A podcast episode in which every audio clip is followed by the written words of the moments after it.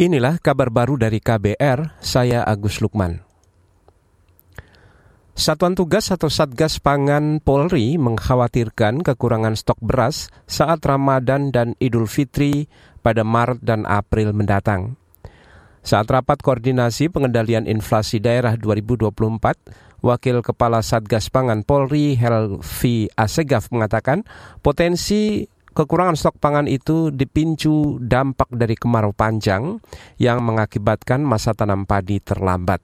Dampak dari kemarau panjang mengakibatkan petani mengalami keterlambatan masa tanam. Jadwal panen raya diperkirakan di bulan Maret sampai dengan April 2024. Sedangkan kebutuhan beras akan meningkat di bulan tersebut karena HBKN masuki puasa Ramadan dan Idul Fitri, sehingga perlu diantisipasi terkait dengan ketersediaan stok.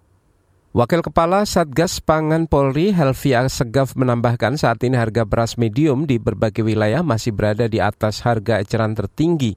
Salah satunya harga beras medium di Jawa hingga Bali yang mencapai Rp13.300 per kilogram.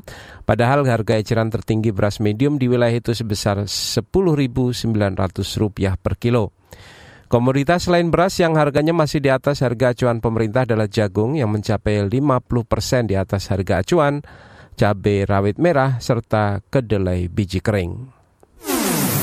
Kabar Pemilu Kabar Pemilu Calon Wakil Presiden nomor urut 2 Gibran Raka Buming Raka menegaskan tidak melakukan kegiatan politik saat bagi-bagi susu di area Hari Bebas Kendaraan atau CFD di Jakarta awal Desember lalu. Itu disampaikan Gibran usai diperiksa Badan Pengawas Pemilu Bawaslu Jakarta Pusat hari ini. Ia diperiksa untuk klarifikasi dugaan pelanggaran peraturan Gubernur DKI Jakarta mengenai hari bebas kendaraan bermotor yang tidak boleh dimanfaatkan untuk kepentingan politik.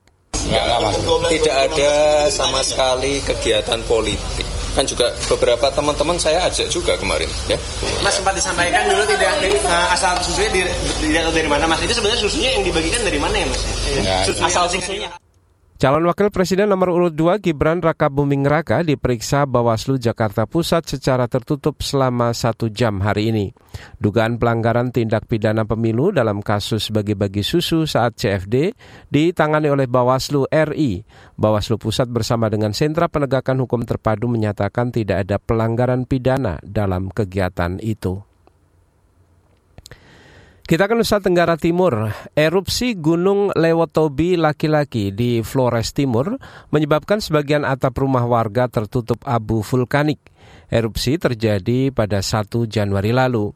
Kepala Bidang Kedaruratan dan Logistik BPBD Kabupaten Flores Timur, Avi Halan mengatakan sebagian warga juga terserang penyakit infeksi saluran pernafasan atau ISPA bahwa akibat erupsi Gunung Lewotobi laki-laki yang terjadi sejak tanggal 23 Desember tahun 2023, sebagian rumah warga atau rumah warga menjadi warna putih, tanaman-tanaman juga, ruas-ruas jalan juga, uh, dan beberapa warga juga sempat mengalami uh, ISPA, infeksi saluran pernapasan. Kepala Bidang Kedaruratan dan Logistik BPBD Kabupaten Flores Timur, Avi Halan menambahkan, pos pengungsian dan dapur umum telah didirikan di enam titik.